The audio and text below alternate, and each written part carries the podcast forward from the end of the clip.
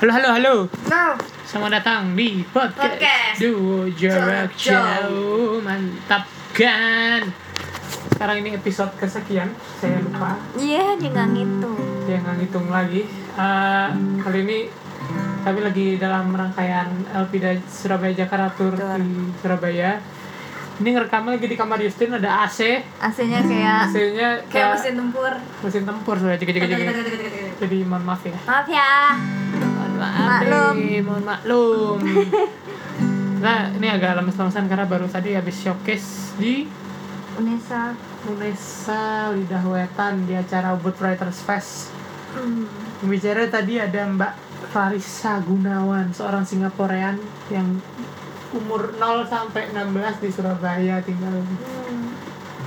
Habis itu pindah di Singapura. Kayaknya gitu. Keren banget sih tadi workshopnya Mbak Izin telat tadi kan ya. Iya.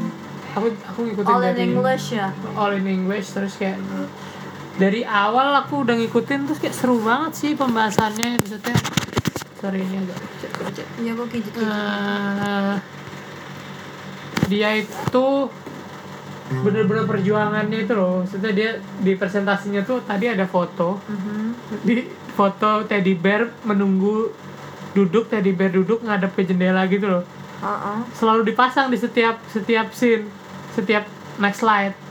What's next? Ada foto itu. Pas ada tulisan what's next ada foto itu. Oh gitu. soalnya dia emang menunggu itu salah satu part yang selalu ada di dalam penulisan proses penulisan dan penerbitan novel. Mm-mm.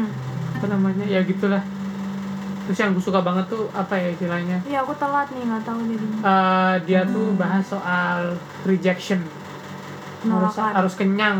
Penulis Iya. tuh harus kenyang sama rejection Mas, ada quote apa tadi? Bagus banget ntar gue mikir. Tadi tuh quote dia adalah apa ya?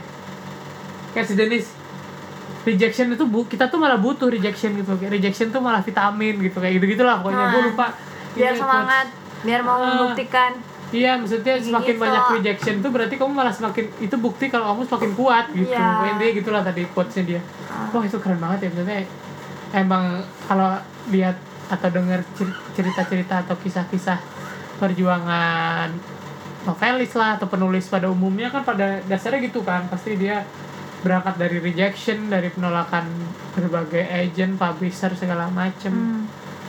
kalau kayak Justin tahu ini ya soal apa Manga.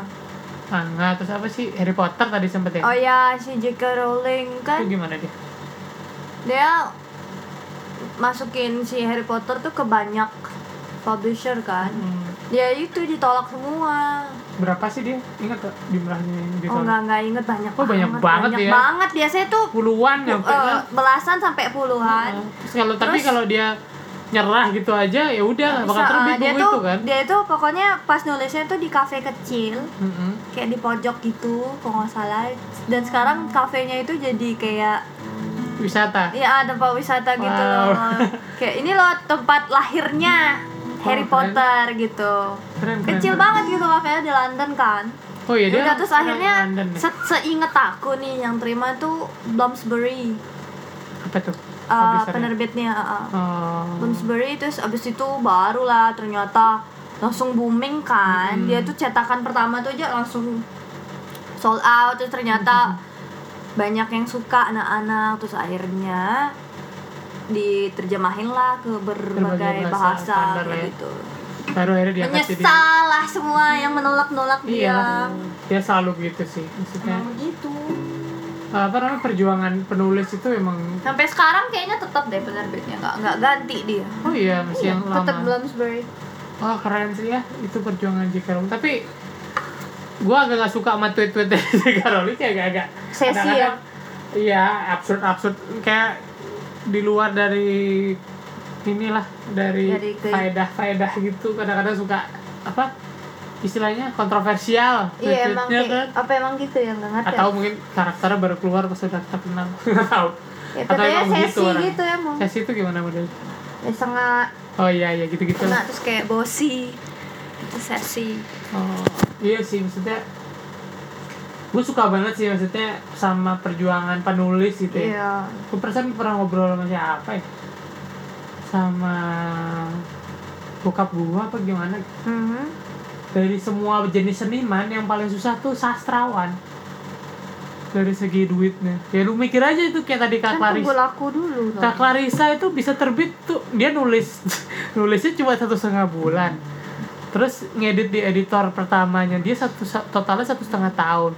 Terus sudah diterima di publisher edit lagi dua tahun. Hmm. gila men buat satu rilis satunya butuh tiga setengah tahun. Terus dijual laku baru dapat duit. Aja nunggunya tiga setengah tahun dulu aja lama banget. Perjuangannya tuh loh maksudnya emang kalau emang nggak punya niat yang benar-benar baja susah menjadi Susah yang mundur.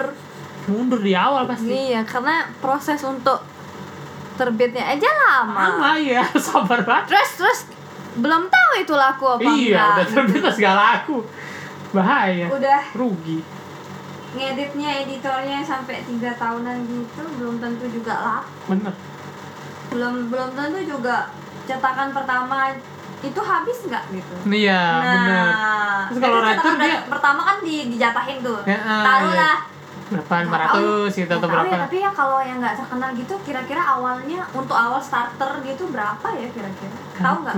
Nggak ngerti sih. Kalau tergantung kalau Kayak tergantung kan- publishernya sih Kalau terkenal kan eh, cetakan pertama berapa ribu gitu. Iya benar. gitu. Terus eh habis nih cetakan kedua harusnya gitu. Iya.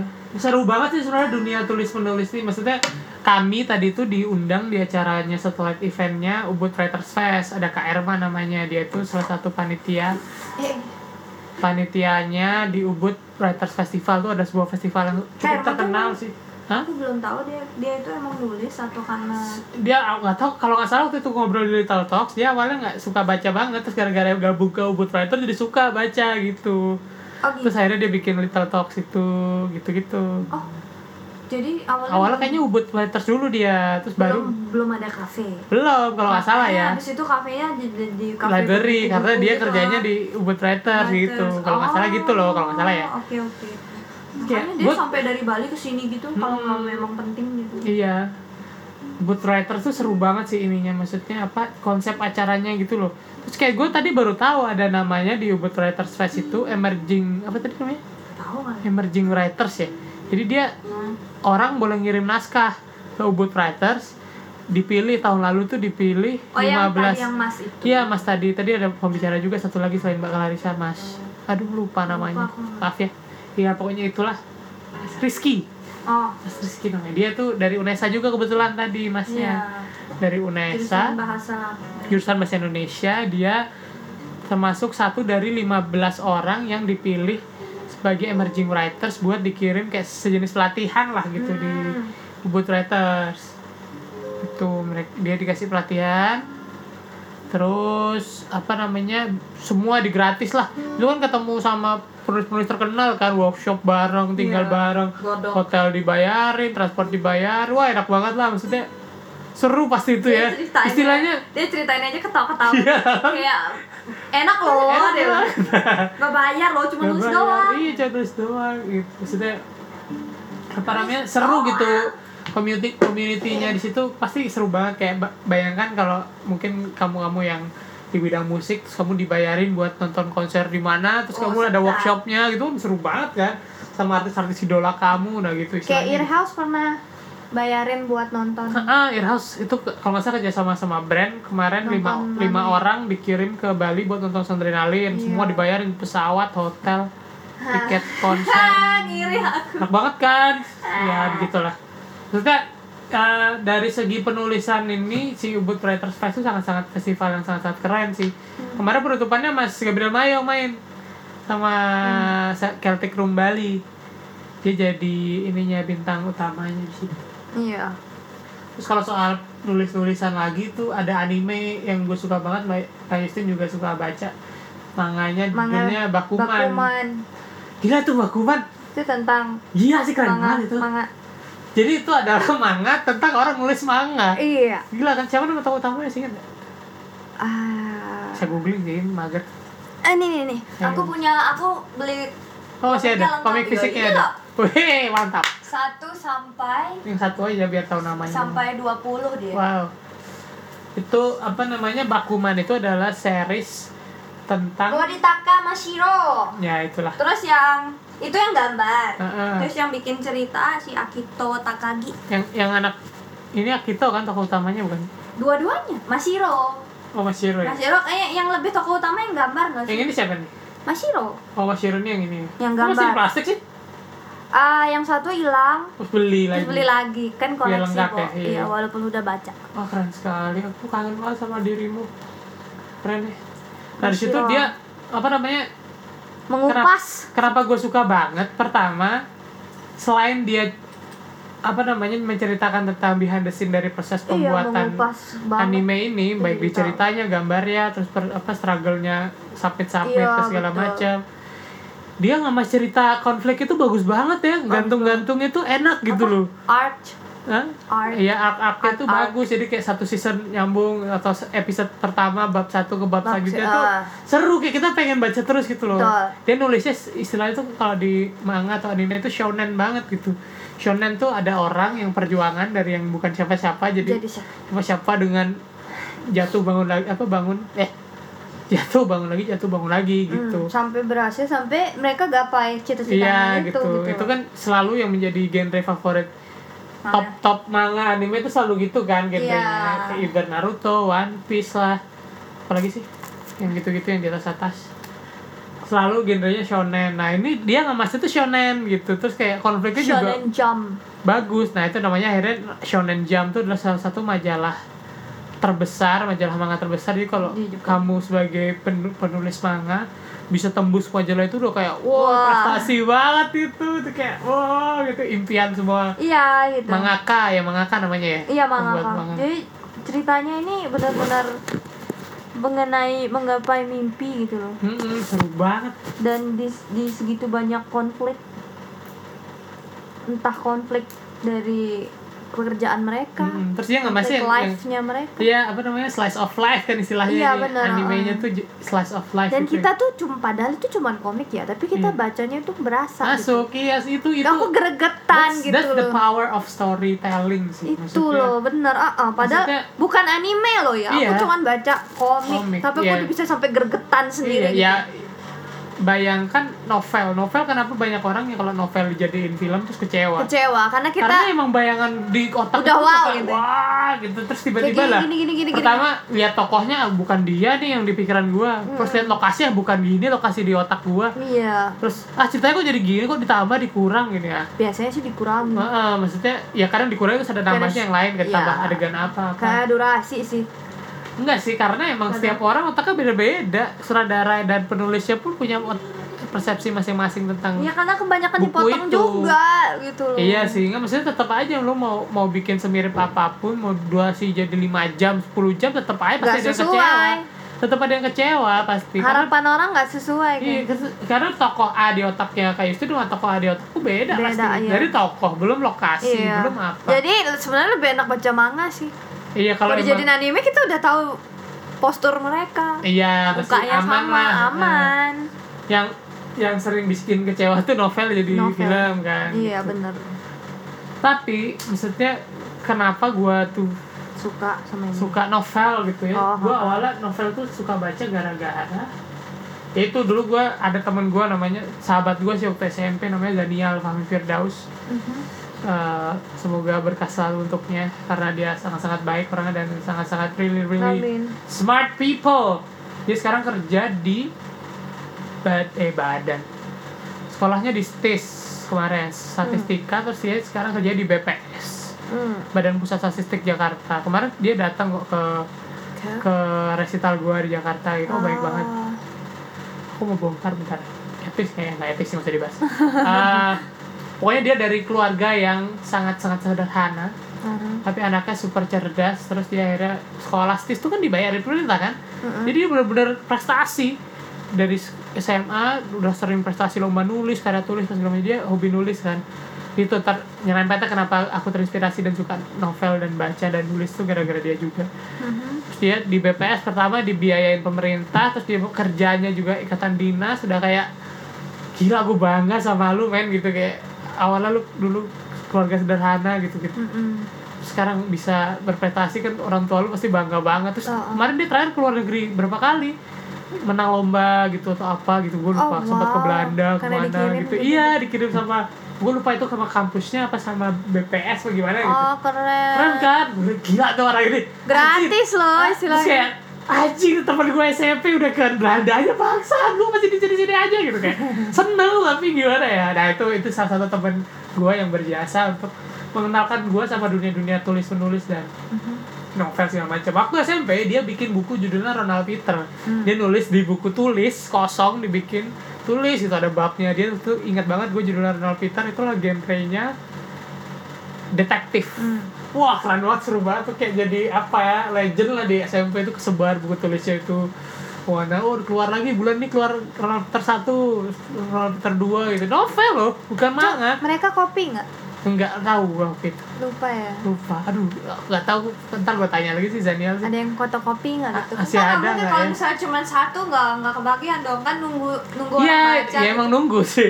Tapi nggak tahu sih. oh tapi itu. kan cuma bab ya Hah? Cuma Enggak, satu satu. buku bener. Full. Itu buku tulis kosong tuh full satu buku.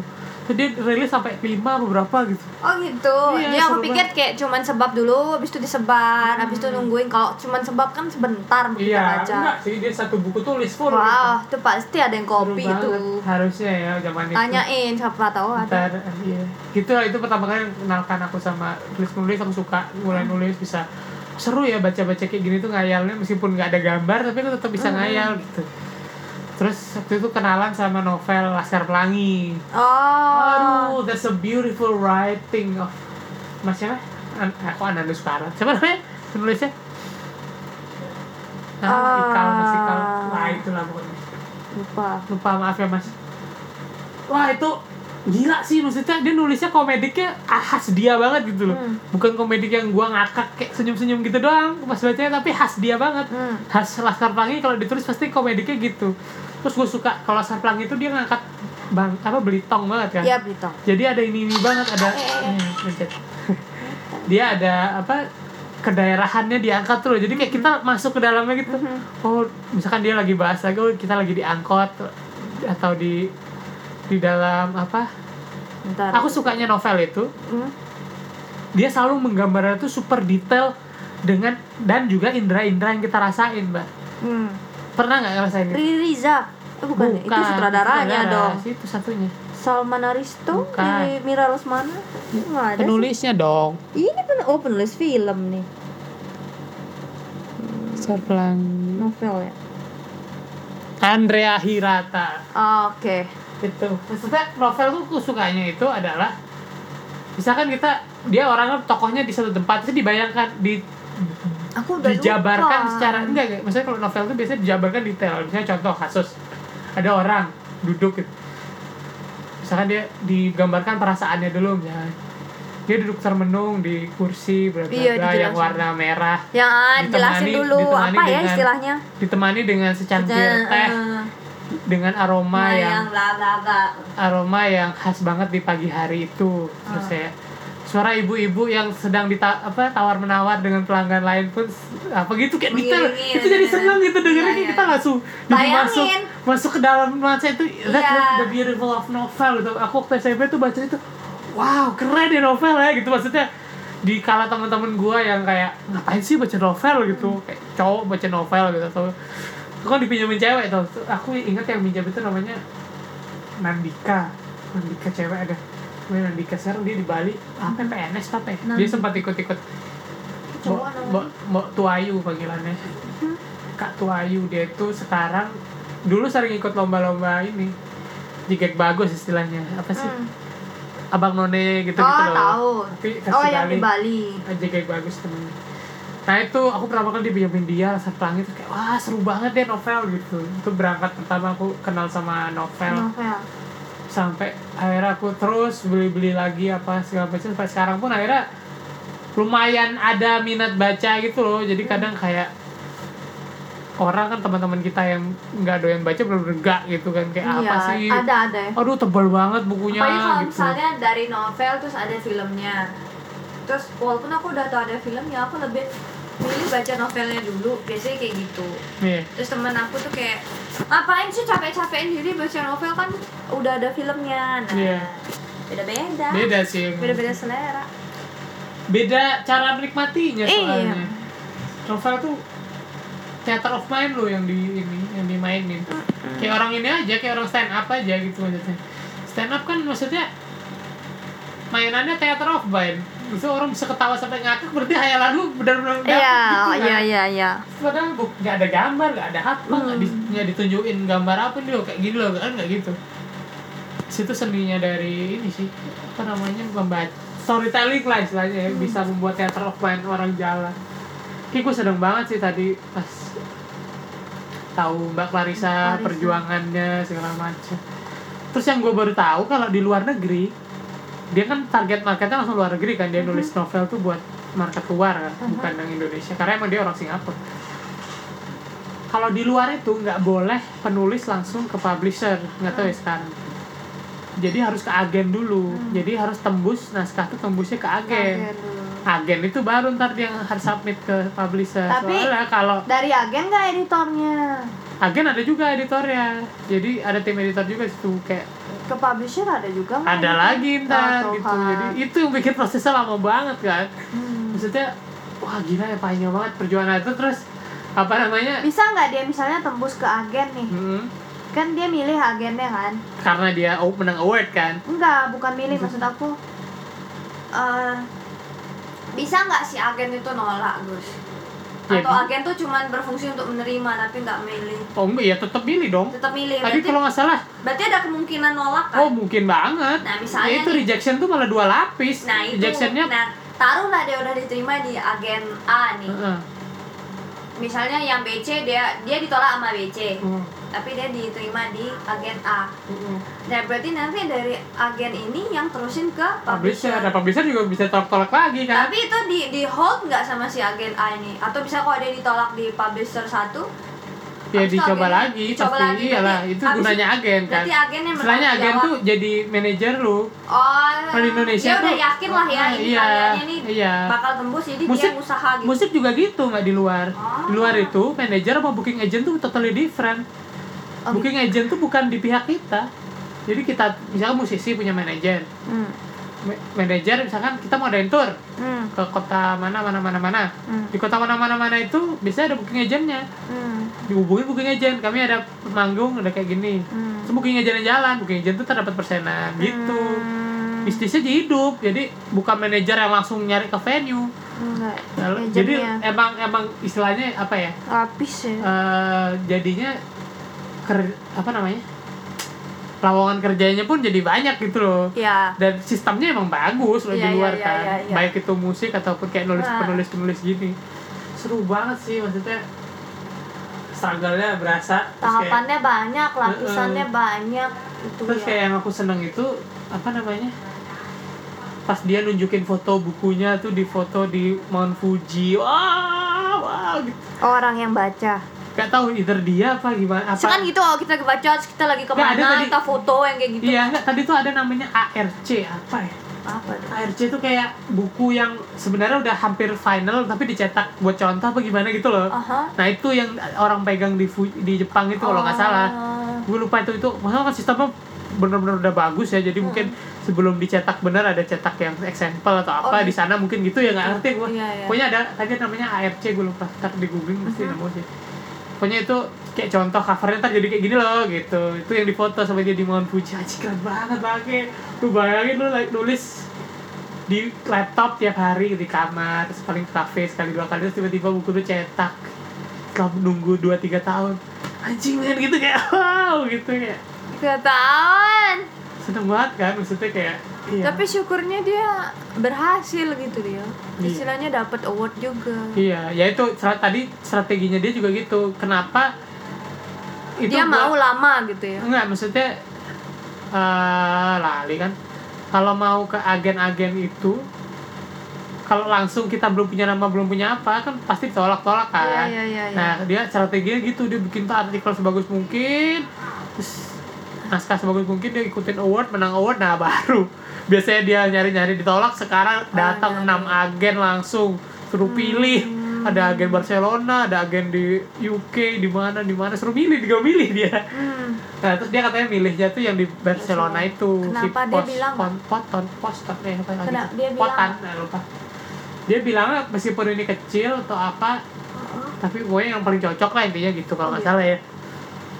Saingannya juga mungkin nggak tahu. Padahal itu bukan yang- itu bukan tawaran yang terbesar bukan dari agen terbesar. Nah itu makanya. Cuman mungkin dia Tapi pikir kalau besar kan banyak saingan juga. mungkin ya bisa jadi gitu. Nggak bisa dia Ada- jadi anak emas gitu ya loh. bisa maksudnya ya inilah market kolam kecil atau lautan gitu kan. Nah betul. Seru Oke, sih. kamu kepengen di laut apa kamu pengen di, Di kolam. tapi kamu men- menonjol di kolam gitu. Ya emang harus pilihan sih. Seru banget sih tadi. Maksudnya kita cuman nonton di samping gitu tapi bisa dapat banyak ilmu dari Kak Marisa Gunawan. Bisa di follow Instagramnya di Karisa double S Gunawannya Goenawan nggak salah. Seru banget tuh. Harus dibeli juga bukunya. Kayak udah ada di Gramet sih harusnya. Rainbirds Kapan sih itu rilisnya? kayak Maret kalau nggak salah. Baru tahun ini. tahun ini ya Oh wow. jadi itu kalau premisnya si buku Rainbirds bentar gue cek. Buku Rainbirds itu dia pakai sudut pandang laki-laki dia kan penulis cewek tapi dia tuh tokoh utamanya laki-laki tokoh utamanya tuh laki-laki Hmm. Ntar ya kita jalan jam berapa 6.15 Kan aku belum mandi, Gus. oh iya benar. Gimana sih? kita 6 5 10 menit lagi balik Oke, boleh. Berarti Dia- jalan jam 7 gitu toh. enggak lah kan jam 7 nyampe sih Jalannya jam berapa? ya, 6.30 Kamu udah mandi, aku doang Enggak, nih. aku cium kado. Ya udah. Aku kan mandi lama, Bu. Iya. Eh, Ya, tadi mau gimana, gimana, gimana? Tadi sampai mana? Rainbirds. Iya, Rainbirds itu dia ceritanya dia Premisnya. settingnya di Jepang. Oh wow. Premisnya itu seorang cowok yang saudaranya tiba-tiba meninggal gitu. Hmm. Dark dark gitu sebenarnya. Hmm. Tapi keren sih, maksudnya premisnya bagus. Ya begitulah pokoknya langsung dicari aja dikepoin kakak Ini aku Clarissa Gunawan. Lagi terbitan pertama 6 Maret. Tuh kan baru kan? Baru. Oh, misteri. Misteri kan? Fiksi kriminal. Oh, Fiksi wah itu keren banget tuh. Fiksi, suka fiksi banget yang psikologis, realisme magis. Oh, ada realisme realism. Keren ya. Eh, Gitulah. Banyak loh. Iya masuk Goodreads loh. Iyalah, Goodreads tuh reviewnya udah 2000 apa? 2000 sekian men yang Ah. itu udah tiga setengah bintang kalau nggak salah di Goodreads. Ya, tiga Iya setengah. kan? Parah itu men, itu tuh penulis lokal ya meskipun bukan orang Indonesia ya, tapi bangga aja bisa kenal bisa tahu. Keren sih dia.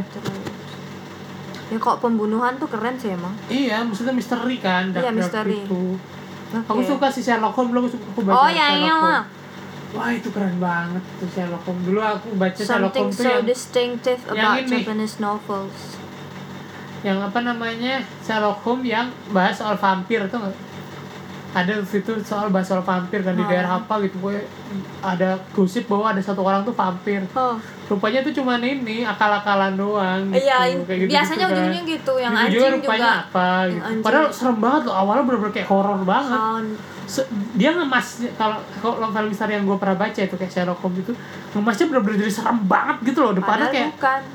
Bener-bener lama kayak gue kita udah anjing kenapa jadi horor banget gini gitu kayak udah penampakan lah apa rupanya semua itu dia ini dijelasin semua Hmm. dia penampakannya pakai ini dia tuh darah darahnya pakai ini atau mungkin dia tuh kelainan apa gitu Ah. penyakit apa terus kalau kita googling ya ketemu itu penyakitnya rupanya itu kelainan gini gini gini gini, gini Oh. gitu tapi Pikirnya udah pikirnya udah hal-hal yang magis iya, gitu di- ya. dikemasnya gitu kalau misteri-misteri itu gue sukanya gitu sih kalau novel-novel misteri Ini ada yang ngasih bintang 5 loh. iyalah gila keren sih beruntung sih I, tadi kita I ya. lost myself in Gunawan's prose, in the effortless detail of everyday life, and in the brooding mood that hung over every action. Jadi dia bawa suasana gitu loh, Iya. grieving. dia kan berduka kan Iya, saudaranya tiba-tiba di stab gitu kan terus settingnya Jepang lagi Iya kak, kok Jepang tuh kenapa ya kayak indah-indah gitu. Eh, Jepang tuh ini kan maksudnya pertama orang tuh setting kepala kita tuh juga langsung kayak di sana itu kan keras gitu loh iya kayak kayak apa hard life-nya kan. gitu terus kayak Sleepy Seru. Japanese town, kayak sunyi-sunyi gitu gak sih? Buk- Iya. Bukan kayak dia Jepang tuh hektik ya. Tapi Hmm. entah kenapa di satu sisi kok kayak damai-damai gitu iya. Larinya ke Dapet. Jepang dapet loh kan. dapat ya. Soalnya budayanya masih kental kan. benar dia Betul. kuat banget sih. Eh, walaupun dia modern, tapi dia tetap pertahanin budayanya. Iya. Gitu. Jadi kalau Japanese setting tuh aku suka sih. Begitu ya, teman-teman. Pembahasan kali ini lumayan lah dapat 30 menit. 30 menitan, Tentang 20 menit. Tuh, Tadi kita bener nggak mau bahas ini. Rupaja. Ini cuman niatnya jadi prolog doang tapi malah jadi panjang. Lumayan lah. Sudah eh apa sih namanya tadi? Jadi untuk membahas satu hal itu tidak bisa cepat. Iya. Pasti banyak. Ya udah sampai jumpa di episode-episode Selanjutnya, selanjutnya. Dua kita jarak mau jauh. mandi. Iya, kita mau showcase lagi malam ini. Iya. Terakhir di Surabaya. Bagus pulang kapan Aku besok? pulang besok Jam berapa? jam 12 siang ke Jakarta. Lumayan, masih bisa bobo. Yoi, gue tadi mau ngomong apa sih? Oh iya, jangan lupa di follow ya Iya. Instagram kita Elpida underscore ID. Di Twitter juga sama, di YouTube cari aja Elpida, di Facebook. Facebook slash Elpida Indonesia. Eh, apa lagi ya? Ya kalau mau nanya-nanya, monggo di elpidaindonesia@gmail.com ataupun di DM ya. Iya boleh. Ntar kita bahas-bahas pasti di podcast Iya, ini. ya. Ada yang nanya nih. Thank you ya guys. Ini langsung gua upload kayaknya sih. Bye bye. Bye bye.